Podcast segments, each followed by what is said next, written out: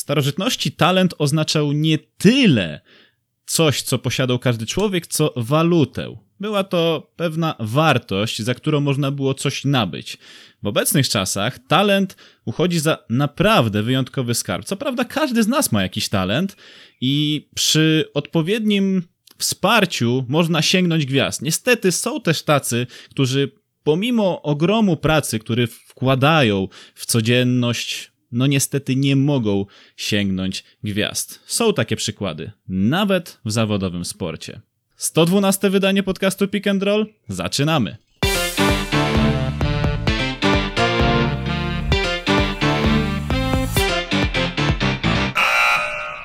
Początek nieprzypadkowy, ponieważ będziemy musieli omówić kwestię pewnego człowieka, który już był bohaterem poprzedniego wydania podcastu Pick and Roll. Bartłomiej Misztal, wracam jak Feniks Popiołów. Wiem, że ludzie tęsknili za mną, rozpaczali, wysyłali listy, telegrafy, telegramy czy też inne jakieś rzeczy. Wiem, język mi się plącze. Adam Fabisiewicz jest z nami, więc na pewno nie poprawi. Cześć Adam. To z tego nadmiaru wrażeń po powrocie, wiesz, czujesz się jak uczniak w pierwszej ławce, który wraca do pierwocin, albo jak koszykarz, który nagle musi e, stawić czoła wielkiemu wyzwaniu, wielkiemu meczowi, albo tak jak kiedyś mówiłem, ja czułem się tak jak Deron Williams, który musi zastąpić wielkiego Johna Stocktona w ważnym meczu, który jak wiemy bardzo mało meczów opuścił.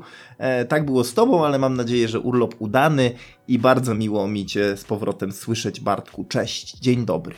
Co prawda nie był to wymarzony urlop, bo takie chyba w ogóle nie istnieją, ale miejmy nadzieję, że następny będzie o wiele lepszy. Tak w woli wyjaśnienia, ja zawsze unikałem pierwszych ławek, ale pamiętam, że w gimnazjum ciągle mnie sadzano w tych pierwszych ławkach. Ja w ogóle nie lubię być z przodu. Nigdy nie lubiłem tego w szkole, zawsze wolałem być gdzieś z tyłu. Wiesz, e, z tyłu to można sobie tam poukrywać parę rzeczy i pogadać na przykład, bo nie zawsze te lekcje były takie, że się chciało ich słuchać. Czy tak samo było u Krystiana? Cześć Krystian, Krystian Mekka jest też z nami.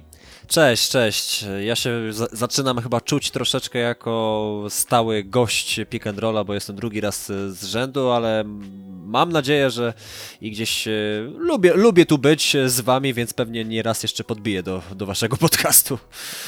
No to musisz albo sam się wpraszać do nas, albo tworzyć kolejne dzieła, tak jak o Reggie Millerze, bo w ostatnią niedzielę ukazała się druga część twojego dokumentu właśnie o tym zawodniku, o legendzie Indiany Pacers i dowiedzieliśmy się z niej dużo ciekawych rzeczy od momentu, kiedy rozpoczęła się rywalizacja w playoffach w 94 roku przeciwko New York Knicks. Tak, bo to był taki chyba punkt zwrotny całej tej rywalizacji, głównie przez pewną osobę, która jest chyba najbardziej kojarzona z Nowym Jorkiem i ogólnie ze sportem z Nowego Jorku, czyli chodzi tutaj o Spike'a Lee, co nie, Krystian, ty nieprzypadkowo akurat na tym panu i na tej rywalizacji e, postanowiłeś zakończyć pierwszą część i wznowić w drugiej części.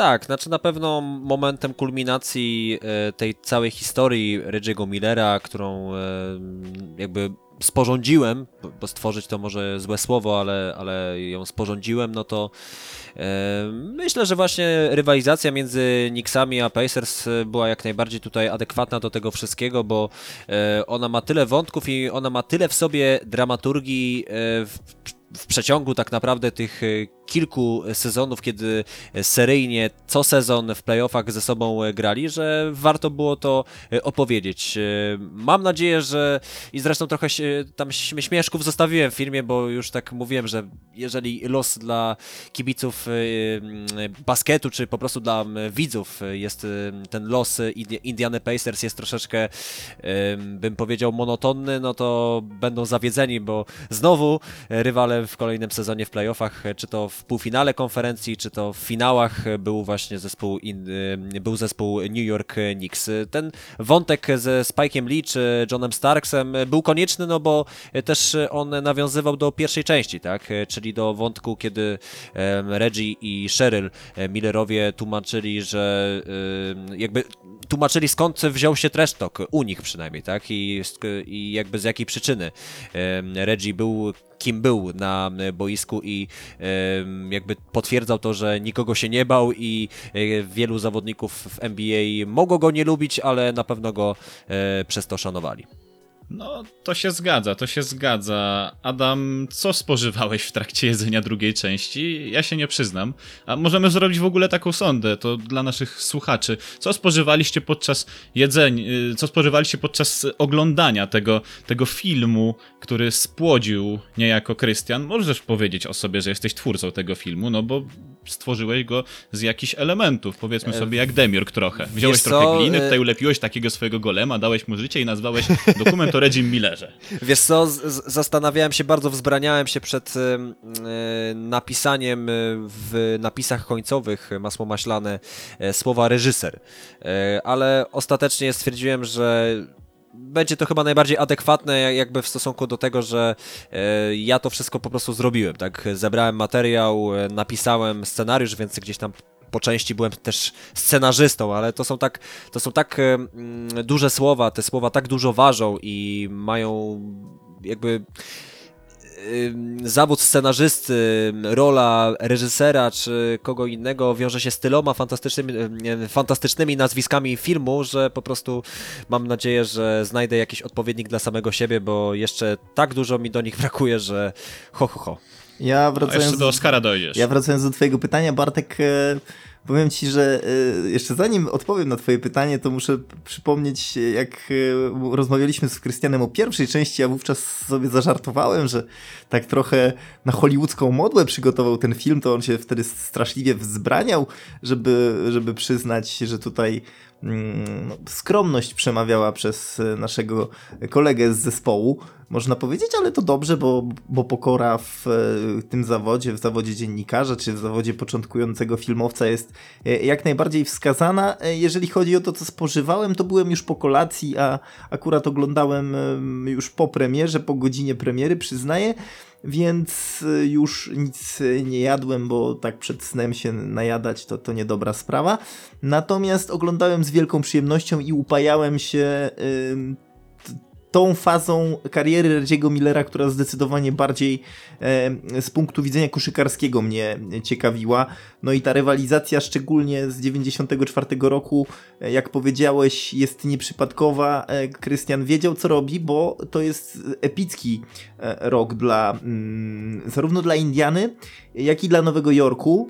E, Epicka rywalizacja, która e, była w pewnym sensie dla Indiany przełomem. Oni wtedy zostali przełamani przez tych brudnych, e, tresztokowych, twardych i męskich Knicks z pod wodzą Pata Rileya, ale wiedzieli, że wrócą mądrzejsi o doświadczenie i mocniejsi.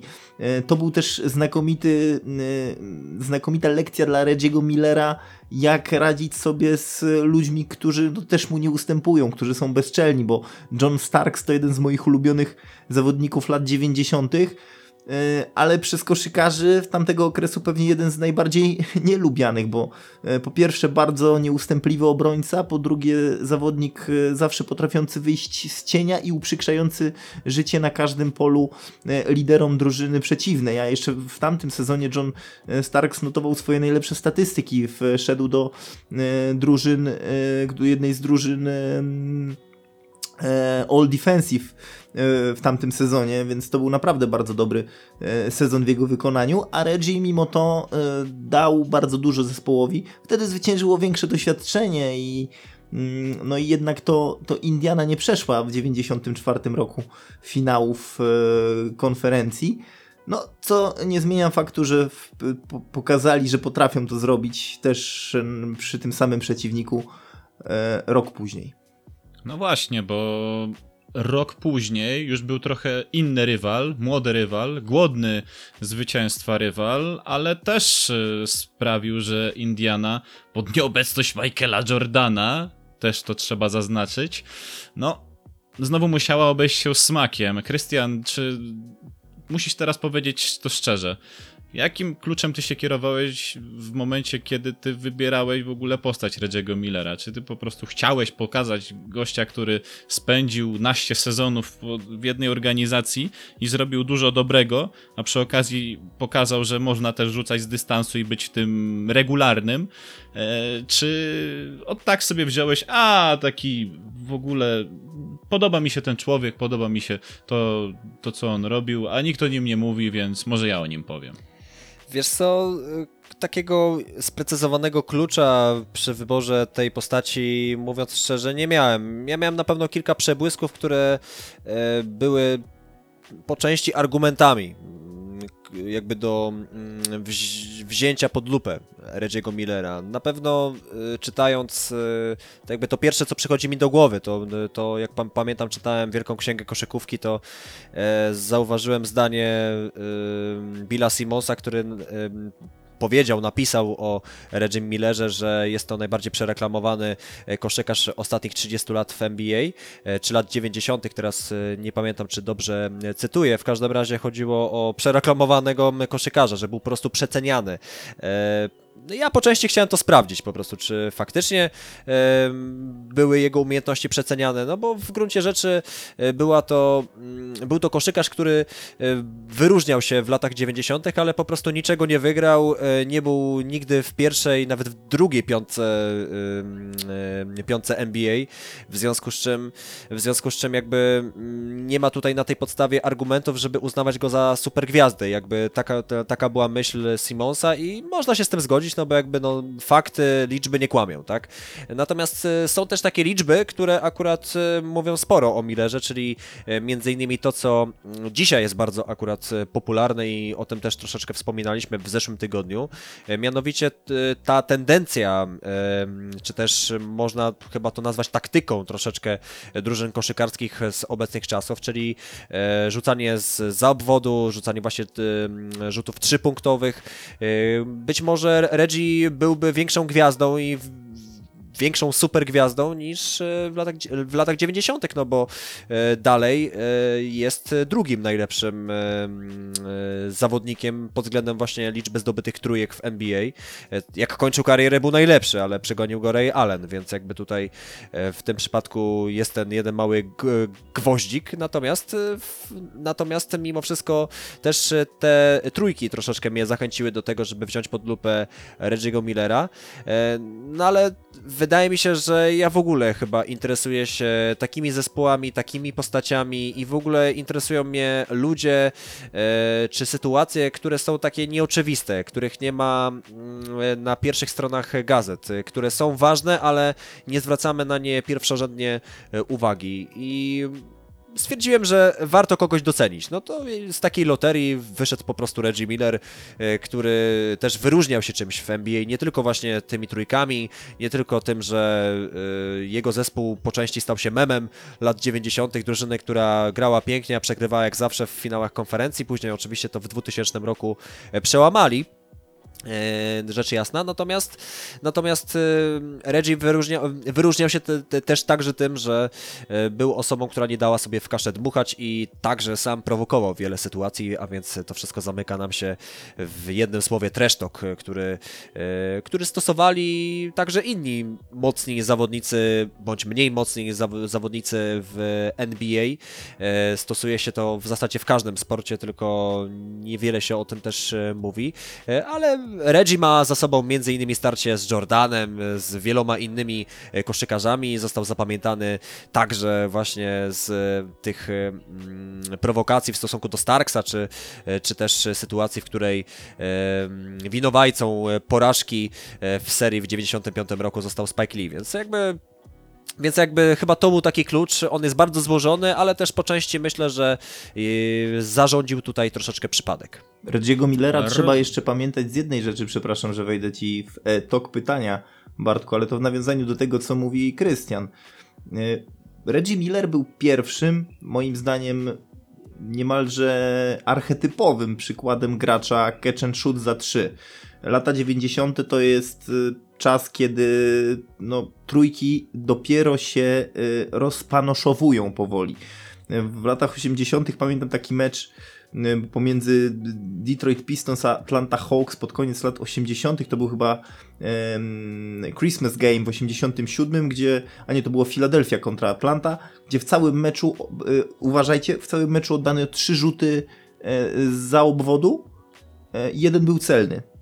Więc e, tak się zmieniły tendencje. Tymczasem Reggie Miller miał średnie rzutowe, e, średnie prób e, za trzy no, z całej kariery licząc coś koło 6 prób na mecz. To jest wydaje się, że dzisiaj to niewiele, kiedy Harden ma około 10-12. No to, to wie, wiemy, jak to wygląda dzisiaj, ale e, trzeba oddać, że Reggie Miller był pierwszym człowiekiem, który e, masowo rzucał za 3 i bardzo dużo trafiał. Potem jeszcze pewnie będziemy mieli Steve'a Kera, ale on był trochę innym w typie graczem rzucającym za 3 w latach 90. Jeszcze innym był John Paxson z Chicago Bulls. Natomiast Reggie miał swój niepowtarzalny styl i on często podkreślał, że każdy jego rzut to był tylko on i obręcz. On się koncentrował tylko na tym, żeby skupić całą po pozytywną energię rzutową na ten jeden ważny rzut i to w wielu przypadkach owocowało niesamowitymi akcjami, jak ta mm, z Chicago Bulls w 98 roku, dobrze, dobrze pamiętam, Krystian, to był chyba mecz numer, tak, tak, tak. E, numer 4, tak? E, numer I, 4. I, i, i też e, i jeszcze jakiś niesamowity rzut z Orlando. Tam to w ogóle szalona końcówka w 90 piątym roku z kolei. No, w, w wtedy chyba na 13 tak. sekund przed końcem e... rzucił tak na za 3 punkty, później Hardaway, a później już Lubiany, te, też przeze mnie, ale, ale pamiętam najczęściej chyba w Double Trouble, Bartek, e, mówiłeś o Riku Smithsie, e, holenderskim centrze i on właśnie był bohaterem tego meczu numer 4 z Orlando. Jak tak, tak, tak. Tam już niedawno oczywiście Bartek jako wielki fan Rika Smitha też mnie wysyłał i wysyłał wysyłał e, wielu osobom e, tą rocznicową akcję, bo, bo świętowane to było. E, Rick Smith nawet opowiadał o okolicznościach tego rzutu, a Bartek cały szczęśliwy, to tak zdradzimy tajemnicę kuchni trochę, ale chyba się z tym zgodzi, bo rzut rzeczywiście mm, niesamowity, no ale taka była tamta Indiana, ją się mimo wszystko bardzo ciekawie oglądało, bo bo oni byli, jak mówisz, niedoceniani przez to, że nie potrafili wygrywać. E, wracając do Simonsa, to był facet, który on mówi, który e, nie do końca cenił Millera, oczywiście, ale wiecie, mm, w latach 90. mówić o graczu najbardziej przegranym, no to chyba nie, trochę nie tędy droga, bo umiałbym wskazać E, ludzi, którzy mieli wielki potencjał, a z różnych względów nie mogli go do końca wykorzystać. Takich tak jakby chociażby, nie wiem, Brad Doherty, który ze względu na kontuzję pleców długo sobie w NBA w latach 90. nie pograł, a potem okazał się bardzo e, wziętym biznesmenem i właścicielem jednego z najlepszych do dziś zespołów e, w serii NASCAR wyścigowej serii, więc różne są drogi sportowców w Stanach Zjednoczonych. Reggie Miller też się ma całkiem nieźle. Mm, a to, że nie dał sobie w kaszę dmuchać, to jeszcze jeden epizod muszę, muszę przytoczyć. Otóż ostatnio oglądałem finał, przypominałem sobie finał e, Igrzysk Olimpijskich e, w Atlancie, w której e, Reggie Miller był kluczową postacią, bo grał najwięcej minut, średnio w całym turnieju i w meczu finałowym zresztą też. Miał drugi najlepszy wynik punktowy, chociaż pierwsza połowa niezbyt dobrze E, mu się układała, ale on e, miał, wyobraźcie sobie, jeśli nie pamiętacie, to przypominam, tam o mało co nie doszło do bójki z Żeliko Obradowiczem. Tam prawie Reggie Miller pobił Żeliko Obradowicza, już wtedy dwukrotnego mistrza Euroligi, jakim jest dzisiaj Żeliko Obradowicz dla europejskiej koszykówki i też koszykówki światowej, to, to nie trzeba nikomu. Trzykrotnym mówić. już wtedy. Już, bo na pewno z Badaloną i chyba dwukrotnie z Realem Madryt, tak? Nie, Partizan jeszcze był przed Badalonem. A, ale Partizan był jako zawodnik chyba. Nie, jako trener już. Już jako trener? On od 91 roku był trenerem i w następnym roku już zgarnął Euroligę Okej, okay, no, to, no to trzy. Tylko okej, okay, jakby myślałem, że Partizan to był jeszcze zawodniczy, wiesz? Także, także mm, stąd nie. moja pomyłka. No ale okej, okay. no to, to, to tym bardziej. No i wiadomo, że Liko Obradowicz wybuchowy facet, ale jak tak Reggie do niego wyskoczył, to to tak yy, Żeliko mówił, dobrze, dobrze, spokojnie Reggie, spokojnie, nie bądź taki, nie bądź taki nerwowy. Przestraszył się tego chudzielca, więc to też pokazuje, jaką charyzmę yy, miał Reggie Miller yy, na parkiecie i... Znaczy to ja, ja powiem Ci, Adam, jakby w takiej troszeczkę kontrze a propos Simonsa, wiesz, bo wróciłem sobie ostatnio do fragmentu o Alenie Iversonie I powiem ci akurat jakby ta książka jest y, w moim mniemaniu bardzo dobra i bardzo przyjemnie się ją czyta ze względu na blogowy styl pisania po prostu Billa Simonsa i to jest jakby styl, który najbardziej mi pasuje w dziennikarstwie. E, Natomiast e, e, cechuje tę książkę tak, że to, to, że jest ona w opór subiektywna i często tam są jakieś upodobania w stosunku do zawodnika, a czasami jakieś an- animozje wobec zawodnika, jak na przykład do Karima Abdul-Jabara, tak? Reggie Miller był tak trochę pośrodku, był trochę niedoceniany, ale mimo wszystko też w tym samym podrozdziale na 63 miejscu w tej jego piramidzie napisał o Millerze, że e, jest to no, jeden z zawodników, który miał prawdopodobnie największe jaja ze wszystkich, tak? Że mm, potrafił rzucać w kluczowych sytuacjach i zazwyczaj trafiał.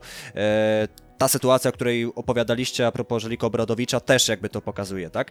Natomiast e, z Allenem Iversonem miałem akurat e, e, takie wrażenie, że on ma słabość do niego, no bo Iverson de, de facto niczego nie wygrał też, tak? On był w finale NBA w 2001 roku ze słabą Philadelphia 76ers. E, sam przynajmniej tak parafrazując, co tam napisał Simons, bo tak jak powiedziałem, no świeżo to sobie mm, ostatnio czytałem e, dla przypomnienia. Filadelfia była wtedy słaba, on sam to ciągnął, też był zawodnikiem niskiego wzrostu, więc e, często wykorzystywał swój spryt pod koszem, jak wbijał się w tych zawodników. E, i przez Simonsa Iverson był naprawdę bardzo doceniony, nawet uważał, że jakby, mm, e, jakby jeden z zawodników NBA poszedł na przykład do, do piłki nożnej, no to by na pewno sobie tak nie poradził jak Allen Iverson, który miał taki charakter, był tak znakomitym atletą jego zdaniem, że, że akurat by poradził sobie także w piłce nożnej czy w innych e, dyscyplinach e, sportu, ale też e, jakby w odniesieniu do Millera mm, Iverson miał ten sam problem co Reggie Miller, co prawda między nimi była różnica wzrostu na pewno całkiem spora, no bo jak dobrze pamiętam Iverson, no to tak mniej niż 190 wzrostu miał, nie? Iverson miał, on, Iverson miał poniżej 180 chyba nawet, z tego co ja pamiętam. A, no to... Także to był... Bo Reggie Miller miał tam 190 chyba 5, coś takiego. Reggie, Reggie Miller był takim no, niskim skrzydłowym powiedzmy, taki łamany na shooting guard, taki powiedzmy. Nie, ale on był, on był, przez to, że był bardzo szczupły, patykowaty, to się wydawał wyższy niż był w rzeczywistości, ale, ale nie przeszkadzało mu to grać. Świetnie. Jeszcze a propos... E, e, tak, e, Ivers... znaczy, bo, Mhm. bo, bo, bo chciałem skończyć tylko Tak? właśnie ten wątek, że mm, jest jakaś taka, jest wspólny mianownik między e, Iversonem a Millerem, mianowicie to, że e, ze względu na ujmy fizyczne, oni nie mogli rywalizować w tych, no co prawda Miller, mm, Miller rywalizował wcześniej, tak, z tymi wysokimi centrami, wielkimi koszykarzami, w związku z czym jakby Miller szukał po prostu sposobu na zdobywanie punktów, na pomoc swojej i też tego, żeby być e, jednym z zawodników, który zmienia grę, tak? Jak to tak e, spolszczając to, co Amerykanie często mówią. Natomiast e, Allen Iverson wykorzystywał swój spryt po prostu pod koszem, szybkość, którą miał, tak? Więc to pokazuje, że gwiazdami NBA też mm, byli zawodnicy, którzy może fizycznie odstawali, ale potrafili po prostu e, swoim sprytem, kreatywnością pomóc swojej drużynie na boisku. Ja często powtarzam, że o sukcesie, o tym, czy ktoś zdobywa mistrzostwa, mając lidera, decyduje mm, to, jak dobrze jesteś w stanie wpłynąć na zespół, jak dobrzy mogą dzięki tobie stać się twoi partnerzy. Ja mam wrażenie, że Reggie Miller robił w Indianie e, wszystko, co mógł, żeby e, po pomóc swojej drużynie w zdobyciu mistrzostwa. Po prostu źle trafiał, a to na Jordana, a to na dynastycznych Lakers, a to na bardzo niewdzięcznych e, Knicks. To były rzeczywiście trochę zabrakło pierwiastka szczęścia. Z kolei w przypadku Philadelphia 76ers y, mieli jedną wielką super gwiazdę, która swoją indywidualnością i tym, jak bardzo skoncentrowany był na swojej grze, nad tym, jak wiele potrafił, a jednocześnie jak bardzo prze, przekuwał to tylko y, w- często w zdobycze punktowe, y, jak bardzo tłamsił swój zespół. Mówię tutaj o Philadelphia 76ers i nie pomogła nawet y, wybitna postać Larego Browna na ławce trenerskiej. Nawet on nie potrafił opanować Alena Iversona, także to jest taka moim zdaniem troszeczkę różnica między tymi y, obu graczami, o których mówiłeś, na korzyść jednak Reggie'ego Millera. Reggie Miller był bez wątpienia dojrzalszym graczem. Co widać, co Tym widać bardziej, też... że Larry Brown ogarnął Detroit Pistons na przykład, tak? I, No właśnie. i, i, i, i zdobył z nimi dwa mistrzostwa, jak mnie pamięć nie myli. E, jedno mistrzostwo. Jedno. E, jedno, jedno, okej. Nie, nie krzycz na Krystiana, bo się zamknie w sobie Bartek i już do nas Nie, nie, nie krzyczę. nie, nie, nie krzyczę, tylko tak już się rozgadaliście, że nie mam Okej. w ogóle możliwości wam wejścia w słowo. A obawiam się, że w pewnym momencie będziecie musieli zakończyć swoje wywody. Tak mówiłeś, Adam, o tych rzucających z dystansu, a przeoczyłeś jedną ważną osobę, z którą zresztą, przeciwko której Reggie uwielbiał grać, bo jak sam powiedział, to była jedyna osoba w lidze, która potrafiła do niego uprawiać trash talk w czterech różnych językach i nawiązując do Żeliko Obradowicza, z tą samą osobą zgarnął Mistrzostwo Świata w 1990 roku i ta podpowiedź ci wystarczy, żeby wypowiedzieć na głos to, to imię i to nazwisko, które niestety zbyt krótko było w NBA. Masz na myśli Drażena Petrowicza? Mhm. No tak, tylko wiesz co, dra... Hm.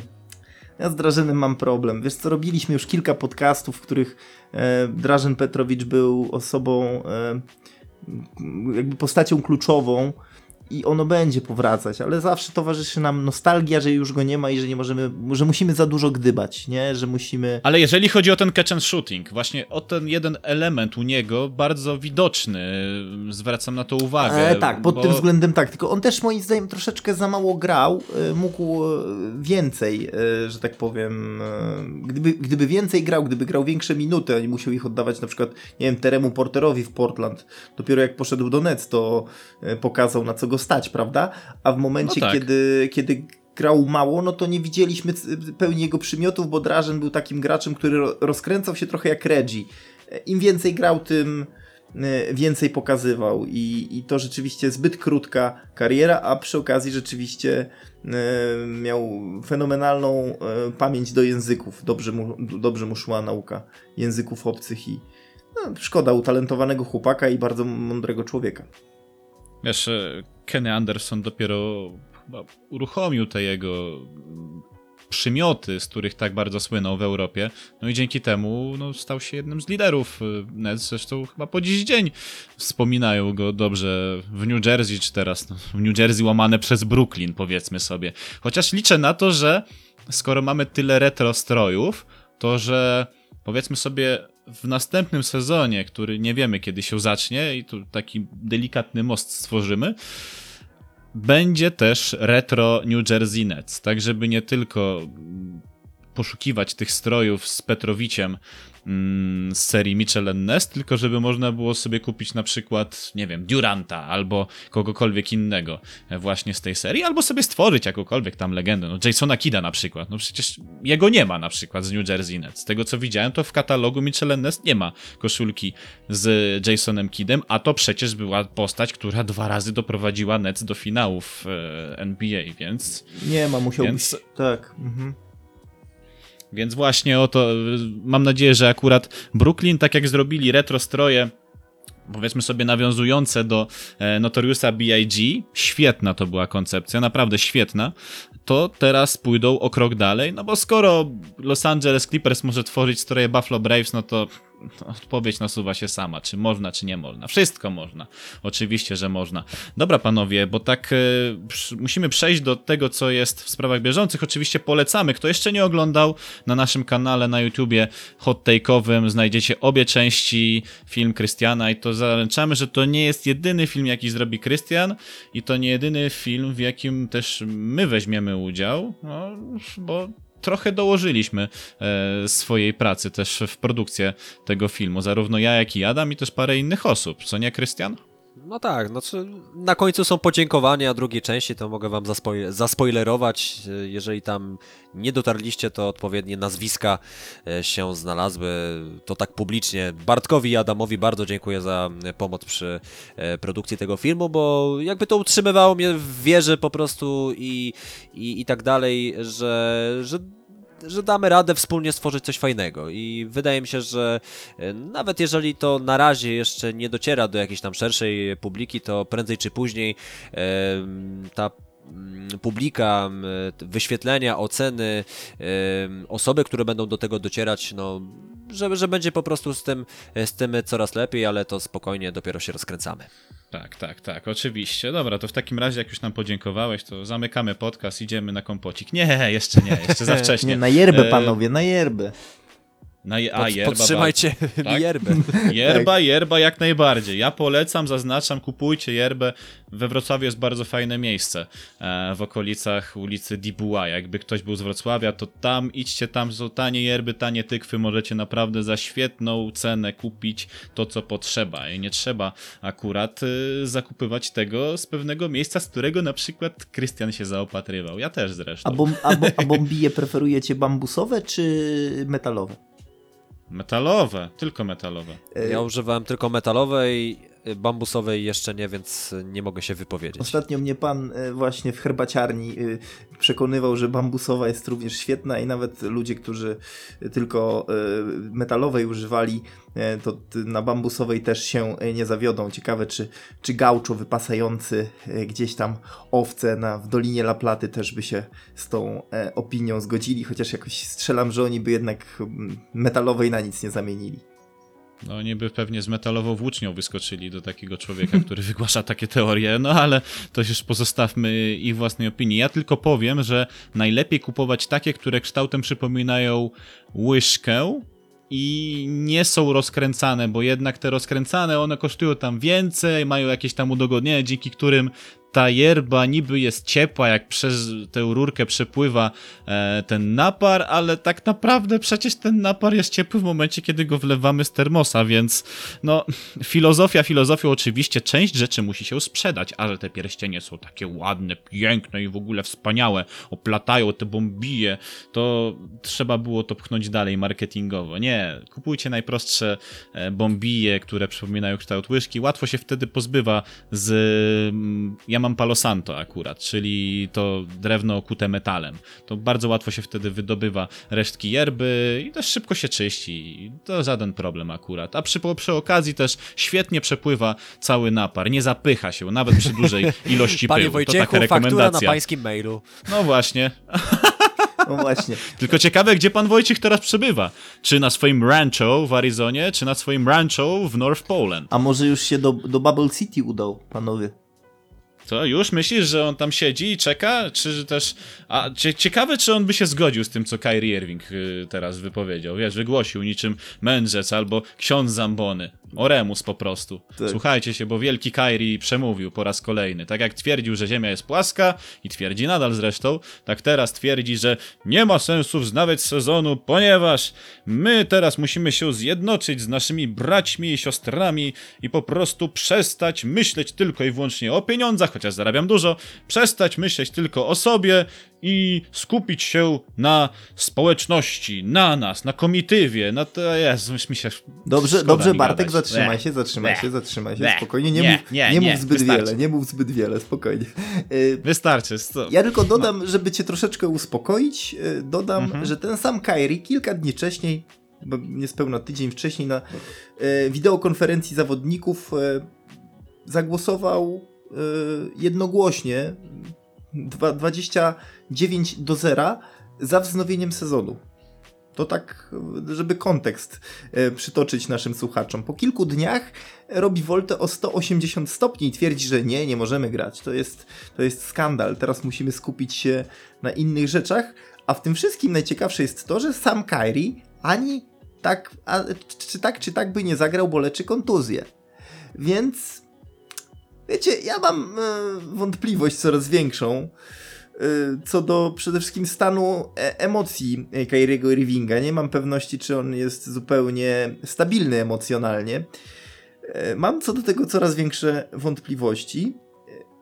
Natomiast żyjemy w czasach, w których każdy może się e, wypowiadać i to nie, okazuje się nie zawsze jest e, dobre, bo mm, duży trud e, Adama Silvera w tym, żeby jakoś to poukładać, żeby sezon wznowić na zasadach bezpieczeństwa, w poczuciu ogólnego porozumienia ze wszystkich stron. Okazuje się, że może to niedługo zostanie wyrzucone do lamusa. No, tak czy owak sezon pewnie wystartuje, aczkolwiek w jakim składzie, bo dodajmy, że zawodnicy mają dowolność e, co do tego, e, czy będą grali, czy nie będą grali. Jeśli się zdecydują, że nie chcą grać, no to nie będą musieli grać. I pytanie pozostaje otwarte, kto pojedzie do Bubble City, a kto nie.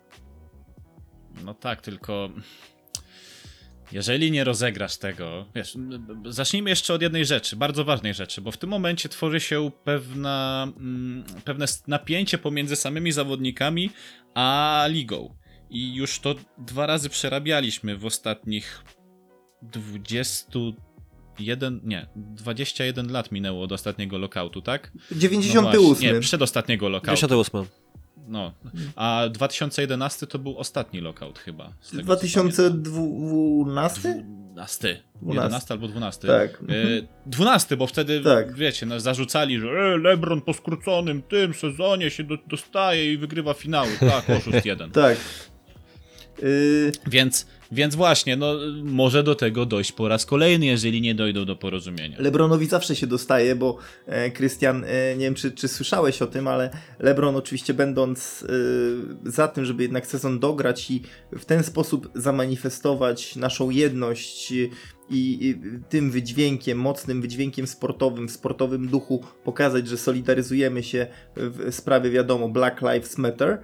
Mm, Patrick Beverly, jego ulubiony chyba adwersarz, napisał, że no tak, cała liga może nie chcieć grać, wszyscy zawodnicy mogą nie chcieć, ale jak LeBron powie, że gramy, to gramy. No i oczywiście znowu burza w internecie się e, wytworzyła. No, jak ty oceniasz tego rodzaju wypowiedzi? Bo mnie one, szczerze mówiąc, e, e, pachną trochę próbą siania fermentu. Znaczy wiesz co, ja, ja a propos Kariego Irvinga, no tak w zasadzie jak przeczytałem to, co on powiedział i w kontrze, jak tam, co, co myślą inni eksperci, to tak sobie zadałem sam sobie pytanie, o co temu Kariemu chodzi? Jakby w ostatnich latach o co mu chodzi? Czy on przypadkiem, tak z całym szacunkiem dla tego zawodnika, no bo zawodnikiem dobrym jest mimo wszystko, nie wiem czy bardzo dobrym, ale jest dobrym na pewno, czy on jest zrównoważony psychicznie? No bo ja wróciłem sobie trochę pamięcią do jego czasów w Cleveland i w zasadzie y, to, że on odszedł, to było tak trochę chyba pod pretekstem, poprawcie mnie jeżeli się mylę, ale to było pod pretekstem tego, że nie, był, nie mógł być numerem jeden, tak? Tak. No bo y, bardzo mu na tym zależało, żeby być tym game changerem, czy jak to tam inaczej nazwać. Y, No nie mógł być, no bo tam był LeBron. Więc Ja bym powodów szukał raczej w Bostonie i w postaci samego danego Ainge'a. I właśnie y, też do Bostonu chciałem przejść, no bo de facto bardzo podobny powód, czyli ego, jakby gdzieś tutaj troszeczkę przeważyło w Boston Celtics. Przeszedł do Nets y, głównie dlatego, bo miał miał ciekawy zespół. No akurat no, jeszcze nie udało się tego zrealizować, głównie przez kon kontuzję Duranta. E, trochę tych kłód pod nogi ma Irving, natomiast ja zastanawiam się, czego on tak naprawdę chce. No jeżeli on głosuje na samym początku, że chce wznowienia rozgrywek, później okazuje się, że Du- Durant nie wróci, no to nagle mu się odwróciło i nie chce grać, no jest to trochę akurat e, śmieszne. Z, z LeBronem ja myślę tak, że e, LeBron już dawno wykroczył e, poza koszykówkę, poza sport, stał się aktywistą społecznym, co ja bardzo pochwalam, no bo jakby no LeBron e, stara się też e, wprowadzać jakąś inicjatywę obo- obywatelską, no bo on zachęca do głosowania w wyborach przez e, czarnoskórych. On stara się wpływać tak naprawdę na dobre imię mm, czarnoskórych Afroamerykanów, tak, w Stanach Zjednoczonych. W związku z czym, no, zastanawiam się, jakby. Czy przypadkiem, czy przypadkiem gdzieś yy, w pewnym momencie po prostu, jeżeli czytamy jakieś newsy i czy wybieramy sobie, nie mówię o tym podcaście, ale w ogóle w, takim, e, w takiej dyskusji społecznej, w dyskusji fanów koszykówki, czy my nie wybieramy sobie takich e, troszeczkę za przeproszeniem gówno tematów, e, którymi mamy się po prostu zajmować, bo Kyrie e, w przeciągu ostatnich kilku lat chlapnął kilka rzeczy i za każdym razem jest e, oto e, burza. LeBron coś powie, no to za każdym razem jest to no, traktowane jakby przemówił papież. No, jest to troszeczkę, jest to, jest to troszeczkę śmieszne niektóry, w niektórych momentach. Oczywiście jednocześnie to nie oznacza, że trzeba takie komentarze omijać całkowicie, tak? No bo to, co robi LeBron, przynajmniej to, co jakby, jakby wygląda na to, co, co, co, co, co robi e, LeBron James, jest oczywiście fantastyczne i jak najbardziej godne e, pochwały, e, no bo cały czas ogromny problem cywilizacyjny panuje w Stanach, co też podjęliście zresztą w bardzo dobrym podcaście Granice Sportu w zeszłym tygodniu, że no, rasizm jest problemem cywilizacyjnym. I jest to tak naprawdę bardzo, bardzo szeroki temat, w którym no, nie znajdziemy jednego rozwiązania i też nie znajdziemy jednego powodu, w którym byśmy musieli ewentualnego rozwiązania e, poszukać. E, w związku z czym, no, Irving, Irving to jest e, gość, którego po prostu nie rozumiem od samego początku, kiedy go poznałem, tak naprawdę. Z drugiej strony nasuwa się ciekawa analogia między LeBronem a Kyrie. No bo w Cleveland, wiadomo, LeBron był samcem alfa, Kyrie jego padawanem. Kiedy chcie, nie chciał już być tylko padawanem, Kyrie y, zapragnął pójść do Bostonu. Danny Ainge się ucieszył, myślał, że będzie miał super gwiazdę, ale szybko okazało się, że ta super gwiazda nie dość, że podatna na kontuzję, to jeszcze podatna na to, żeby y, no, mówiąc wprost, rozwalać szatnie od środka i zamiast pokazania cojones, no to Kairi pokazał, że ma w sobie gen destrukcyjny bardzo mocno. Nie, tylko nie tyle autodestrukcyjny, co destrukcyjnie działający na otoczenie. Niestety. I, i teraz w kontekście bardzo poważnej dyskusji społecznej, e, a na pewno na poważny temat, e, Kairi znowu wypowiada się w sposób, który tę dyskusję sprowadza do granic, nie wiem, absurdu pewnego. No. My się z tego zaczynamy śmiać pod nosem, bo to jest niepoważne. Ten facet jest niepoważny, a przez to niepoważna staje się liga, bo mm, koszykówka przez to schodzi na dalszy plan i zaraz dochodzimy do momentu, w którym mówimy o koszykówce jako o dyscyplinie, która odciągnie ludzi od ważnych tematów społecznych. A koszykówka, czy też sport ogólnie, y, ma y, ludzi wzmacniać pozytywnie, ma uszlachetniać a nie y, odciągać jako opium dla mas. No tak to chyba trzeba nazwać. Więc powiem wam ale szczerze... Ale okej, okay, ale... Mhm. Ale też tak, żebyśmy mm, wyjaśnili pewną sprawę naszym y, słuchaczom, no bo y, hot take się tym wyróżnia, że mówimy o faktach i mówimy całkiem ostro w niektórych y, momentach, więc zastan zastanówmy się, wy jesteście większymi ekspertami od koszykówki. Skąd, dlaczego Kairi tak mówi? Dlaczego? Za dużo siedzi w domu. I to już zauważyłem po Polu Piersie, że też za dużo siedzi w domu, po Zaku Lawinie, że za dużo siedzi w domu, no bo jak Zak Lawin umieszcza siebie w najlepszej piątce wszechczasów Chicago Bulls i Pau Gasola na centra daje jeszcze, to było, to było świetne. To było naprawdę świetne.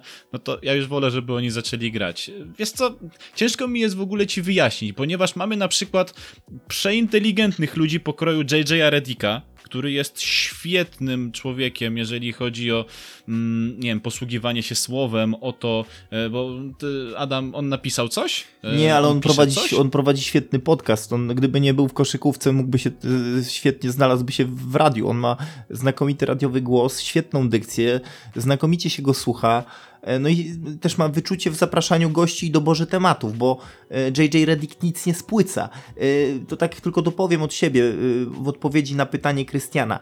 Kyrie Irving to jest człowiek, który ma na pewno przerost ego, a z przerostu ego łatwo dojść do punktu, w którym za wszelką cenę szukasz atencji. No i to chyba tak tylko umiem wyjaśnić, bo nie ma w tym nic konstruktywnego. Oddaję Ci głos, Bartku. Wiesz, jeszcze jest, było, było wielu ludzi takich, którzy mieli no, przerost ego straszliwe. No, chociażby sam przykład Alena Iversona, który już tutaj dzisiaj został e, ukazany w naszym podcaście. No ale twój ulubiony i mój zresztą też, Gilbert Arinas, e, Adam, to też był przykład taki, że oho, ho, ho, ho, no byś naprawdę doktorat nadziargał na temat e, jego psychiki, myślę. E, ale nawet Chris Webber myślę, że nie był do końca mm, stały psychicznie, jeżeli chodzi o, o to, jakie miał możliwości, a miał fenomenalne możliwości, tylko że nie umiał ich niestety przełożyć e, na parkiet tak w 100%, chociaż Sacramento mogło od pierwszy raz od nie pamiętam kiedy e, zabłyszczeć, to ta, zabłysnąć to tak na poważnie ze Stojakowiczem, jeszcze z Dziwaczem wtedy w składzie. No ale jednak Chris Webber nie wykorzystał tej okazji, no i jak to się mówi, dupa blada. Pam e, za Pamiętasz, Bartek, ten przestrzelony layup w e, serii z Minnesotą w 2004. Tak. I to, Tak, to chyba tak. już potem wlazło mu do głowy na dobre i jakby od tamtej pory już się Chris Webber nie mógł odnaleźć. To był rzut, który pewnie zapewniłby, e, na pewno e, dałby Kings e, dużą szansę na wygranie tamtej serii, bo Kevin Garnett już ledwo, ledwo nogami powłóczył. Robił w tamtym meczu absolutnie wielkie rzeczy, ale już nie miał po prostu siły. I gdyby doszło do dogrywki, to myślę, że Kings by to wygrali, ale wtedy niestety ten przestrzelony layup plus, plus jeszcze inne decyzje, między innymi Daga Christie, który tam zgubił piłkę i tak dalej, sprawiły, że Kings nie wygrali tamtej serii. No i dobrze dla Minnesoty, coś pozytywnego chociaż się dla tego klubu zadziało. Ja naprawdę się cieszę, żeby nie było, Bartek. Także... e, Jedynka na zachodzie, jakby nie patrzeć. no, zas- zasłużyli, zasłużyli, naprawdę. Mm, To były finał konferencji czy półfinał, bo nie pamiętam. To był półfinał, Półfinał, konferencji z- siedmiomeczowy. Z Lakers chyba wtedy Z grali, Lakers. Nie? No tak. tak, i tak. wtedy niestety KG, no, no niestety, bez KG to się tak ciężko gra. No, a No, sam e, Latres Sprewell razem z samym Kasselem to wielkie, wielkich rzeczy nie zrobili. Plus jeszcze Fle- Fred Hoiberg i Oliver Miller, twój ukochany. Tak, ale seria z Kings y, wy, wyczerpała absolutnie też Garneta fizycznie. To trudno się dziwić temu y, chłopakowi wtedy, że, że on nie dał rady po prostu fizycznie, moim zdaniem. No ale y, to, to, widzisz, fajnie wraca się do tamtych czasów, bo mówimy o koszykówce i nie, nie było kontrowersji. Od czasu, kiedy pojawiły się media społecznościowe, odkąd poszliśmy do przodu z, z, w świecie, każdy może się wypowiedzieć szeroko na każdy temat. E, Jest coraz więcej tematów zastępczych i, i to chyba też Krystianowi przeszkadza, tak mam, mam wrażenie w kontekście naszej dzisiejszej e, dyskusji, bo media społecznościowe oczywiście są dobrem, ale mogą się okazać, tak jak w przypadku Kyriego Irvinga, też złem. Więc jak Znaczy widzisz, tak, Krystian, jest e, dużo takich jest coś przykładów. takiego, tak, no jest dużo takich przykładów, chociaż e, jak, jak poznawałem tę historię Indiana Pacers, tak na moment wró- wrócę do filmu, no to trafiłem na takiego ziomeczka jak Ron Artest, tak, i oczywiście tutaj nie chcę sprowadzać e, Rona Artesta, czy obecnie, chociaż nie, już teraz nie Meta World Peace, tylko jakoś inaczej, ale jakby mm, ciekawostką oczywiście tej jego zmiany imienia i nazwiska, to są ciekawostki e, na poziomie tabloidów. I ja bym sprowadził y, zainteresowanie, y, czy, czy po prostu gdzieś y, atencję y, Kyriego Irvinga i każdego innego koszykarza, sportowca, człowieka z przerośniętym ego właśnie bym sprowadzał do poziomu tabloidów. Niech się, niech się tym ta- tabloidy zajmują, a, a nie poważne media, nie, nie, nie ludzie, którzy, chcą budować, nie wiem, dobrą opinię NBA. No bo jeżeli w takim standardowym procesie skojarzeniowym standardowego widza pierwszymi rzeczami, które będą przychodzić do głowy w kontekście E- NBA i będzie się kojarzyć obok LeBrona Jamesa Kyrie Irving, który mm, e, ma sprutę do wszystkich e, o to, że nie jest najważniejszy w NBA, no to o czym my gadamy? A ja wam powiem jedną rzecz, którą obiecałem sobie powiedzieć jeszcze zanim weszliśmy na antenę. E, I to też pięknie zamyka klamrą temat filmu, e, bo nawiążę do innego filmu, m, Michaela Jordana, Last Dance, doskonale nam znany, omawiany przez nas szeroko. E, chociaż do twojego się nie umywa, Krystian, to jednak no, był szeroko komentowany. Mm, I tam Michael Jordan powiedział, że seria z Indiana Pacers to chyba była najcięższa seria playoff, jaką kiedykolwiek grali. I wyobraźcie sobie, jak blisko była Indiana w meczu numer 7, żeby pokonać w 98 roku na parkiecie Byków ich właśnie. Oni tam prowadzili 12 punktami na początku pierwszej kwarty. Wydawało się, że wszystko idzie dobrze, ale oni tego meczu nie mogli wy, wy, wygrać, jeśli spojrzeć na jedną istotną statystykę. Jeśli chodzi o ponowienia akcji. Wiecie, e, jaki był bilans zbiórek ofensywnych obu drużyn w całym meczu? Chyba na dwie minuty przed końcem, jak dobrze pamiętam, bo chyba nawet ten fragment dałem do e, ten fragment dałem do montażu, e, czyli 21 do 6 było chyba na dwie minuty przed końcem e, dla Chicago, tak? Poprawię cię delikatnie. zbiórki. 23 do 4. To był bilans. 23 do 4. To był bilans całego meczu. Jeżeli masz 19 zbiórek ofensywnych więcej, to nie możesz wygrać takiego meczu i dlatego. Ale tam chyba było 50 do 24 w ogóle we wszystkich zbiórkach, Tak, bo oni, nawet to umieściłem w filmie. No. Zmiażdżyli ich w tej serii, jeśli chodzi o, o, o zbiórki. Mm, No i chcielibyśmy, żeby, żeby jednak NBA znowu miażdżyła nas swoją dobrą grą. To jest chyba taka konkluzja dzisiejszej dyskusji o NBA, panowie, bo no bo co tu dużo powiedzieć. To nikomu dobrze nie robi, że mówimy ciągle o presji społecznej, o protestach, o tym, że liga może nie zacznie grać, bo nie wszyscy będą chcieli grać. Już teraz się okazuje, że nie boją się koronawirusa, tylko nie chcą grać w proteście przeciwko uciskaniu e, czarnoskórej ludności. Chyba nie tędy droga. Nie tędy droga i to już się robi powoli bardzo nudne. Więc żeby nie zanudzić naszych słuchaczy, opuszczamy Stany Zjednoczone i przenosimy się do naszej ukochanej, wspaniałej Polski, ponieważ tutaj no, przygotowania do nowego sezonu idą pełną parą. Z racji tego, że nie mamy niestety Maćka, bo gdzieś nam wybył, w odmętach Uczy e, się. swojego miasta. A, dobrze, dobrze. No, w odmętach nauki się znajduje teraz, w odmętach podręczników, książek, przygotowania do e, bardzo ważnych egzaminów na studiach. Nie będziemy zdradzali szczegółów, ale proszę go nie, proszę mu nie przeszkadzać, ponieważ skupienie jest teraz najważniejsze dla niego. To chyba Krystian, będziesz ty musiał przejąć e, pałeczkę e, i opowiedzieć co nieco, co tam się dzieje w twoim województwie wspaniałym.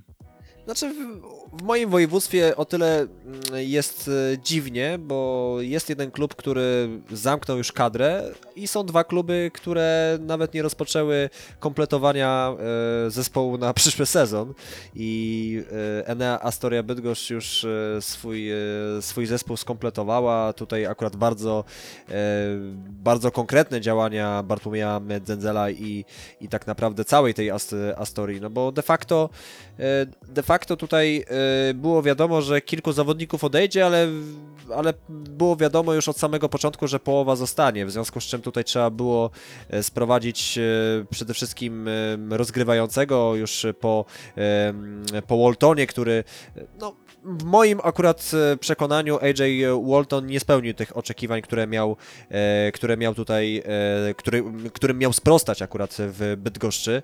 Z tych Waltonów? Chociaż nazwisko zacne. No właśnie, nazwiska. zobowiązuje. No jak najbardziej, I, ale akurat, e, co też akurat wyróżnia Astory i to też e, muszę polecić tutaj wam i słuchaczom taki pewien tekst na polskikosz.pl, e, który czytałem sobie ostatnio, mianowicie, że Astoria wyróżnia się głównie tym, że nie rzuca trójek i nawet takich rozgrywających, czy też nawet takich zawodników po prostu zatrudnia. I Jest to o tyle ciekawe, co prawda nie wiem, czy przez to nie dojdą do półfinałów e, ligi, ale, ale w- wydaje mi się, że gra Astorii, zwłaszcza w przyszłym sezonie, może być e, bardzo interesująca. No, takich zespołów NBA, tak na moment wracając, to mamy akurat, e, jak Philadelphia 76ers, gdzie mamy Bena Simonsa, który nie rzuca w ogóle za trzy, tak? E, To wy możecie powiedzieć, czy potrafi, czy nie potrafi, ale wydaje mi się, że raczej dlatego, że po prostu mu to nie idzie. Więc jakby tutaj AJ Walton zastąp, za- zastąpiony przez Korea Sandersa, mówiliśmy w zeszłym tygodniu o Kubie Niziole, mówiliśmy e, o Wiktorze Rajewiczu, który e, jest dużą nadzieją akurat e, w Bydgoszczy traktowany, no bo trzyletni kontrakt aż podpisał z Enea Astorią, to jest bardzo godne uwagi. Tomislav Gabric na si- silne skrzydło Chorwat, no i jest też zaciąg z Ligi Chorwackiej, ale Bośniak na pozycję centra, a więc Markus Loncar, który ma zastąpić Adama Kempa pod koszem, w związku z czym no, tutaj mamy skompletowaną całą kadrę, którą e, oczywiście prowadzi no, którą tutaj prowadzi trójka trenerska, no bo Artur Gronek to oczywiście lider, ale także e, Marek Popiołek, nowa postać e, w sztabie, no i Grzegorz Skiba, a więc człowiek związany z Astorią, no bardzo długo, e, z Bydgoszczą zresztą, zresztą też. A Krótko a propos polskiego cukru Toruń i Anwilu Wocławek, no to tam mamy akurat e, na razie pustki. E, W Toruniu e, wiemy o pozostaniu w, zespolu, w zespole m.in. Kuby Szenka, Karola Gruszewskiego czy Bartka Diduszki. O ile wiem też na ostatniej prostej jest zatrzymanie Aleksandra Perki, który, no, który akurat moim zdaniem tę rolę kapitana spełnił w poprzednim sezonie, no bo co prawda nie jest zawodnikiem, który zapewni e, jakiś najwyższy poziom e, w swoimi, swoją grą, ale, ale na pewno jeżeli chodzi o mental i o pozycję w zespole, to, to nikt e, raczej nie gardzi e, Aleksem Perką w polskim cukrze Toruń. E, nie wiadomo, co będzie z trenerem jeszcze, nie wiadomo, co e, z innymi zawodnikami, kto dojdzie akurat do Torunia, chociaż wydaje mi się, że raczej z Sebastianem Machowskim nie będzie aż takich wielkich e, problemów. E, Anwil Wocławek, no tutaj akurat e, sytuacja jeszcze musi się troszeczkę wyjaśnić, bo e, kwestia mm, między innymi pieniędzy, nawet jeżeli dzisiaj była było zebranie e, Rady Nadzorczej, to wydaje mi się, że jeszcze troszeczkę będzie trzeba poczekać, aż mistrz Polski będzie jakkolwiek e, mógł poinformować o ewentualnych transferach, czy o pozostaniu Igora Milicicza na stanowisku e, sz- szkoleniowca. E, Wydaje mi się, że Anvil jest taką marką w Polsce,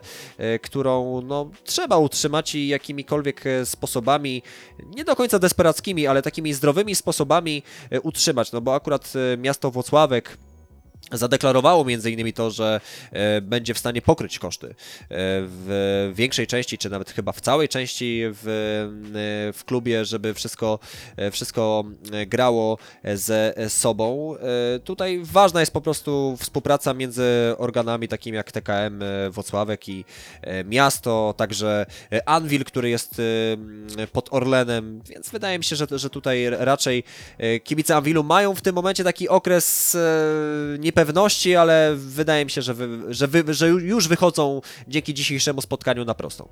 Oby, chyba tyle powiem, bo Anvil, który nie jest moim faworytem, jeśli chodzi o polską scenę koszykarską, wiadomo, jestem z takiego regionu Polski, że nie mogę lubić e, Anwilu Wocławek, ale tak zupełnie obiektywnie patrząc, no to trudno e, nie widzieć mistrza Polski w następnych rozgrywkach, w dobrym składzie. E, Zobaczymy, co będzie z tymi najlepszymi koszykarzami, Ricky Lido, Tony Rotten i inni. Mm, Wszystko się zamroziło, oby, oby wróciło jak najszybciej. Ja tylko tyle od siebie dodam, że chciałbym, żeby też polska liga jak najszybciej wróciła. E, była mowa o Pucharze Polski w połowie sierpnia. Oby tu się nic nie zmieniło, oby nie było nowych ekscesów e, organizacyjnych, bo, bo to na pewno nie będzie służyło polskiemu sportowi i koszykówce. Dokładnie. Co się nie zmieni, to to, że co tydzień dostaniecie nową porcję koszykówki w hot take'u w postaci pick and rolla. Dzisiaj kończymy 113, 100, przepraszam, 112 wydanie podcastu e, Pick and Roll. Ze mną byli Adam Fabisiewicz, dzięki Adam, Dziękuję. i Krystian Mekka, dzięki Krystian. Dzięki serdeczne, no i w najbliższy poniedziałek to już będzie double trouble, nie? No pewnie, że będzie, no pewnie, że będzie, to już zapewniamy. Już Ja teraz. będę słuchał, was też zachęcam, bo po tygodniu nieobecności można się stęsknić. No, dokładnie, dokładnie. Bartłomiej Ale dzisiaj mieli troszeczkę, wiesz, double trouble z, z pick and rollem, więc tak, taki tak, gratis. Dokładnie. Bartłomiej Misztal, dziękuję wszystkim za uwagę. Zapraszam za tydzień o tej samej porze. Środa, godzina 19. Podcast Pick and Roll w Hot Take'u. Na razie.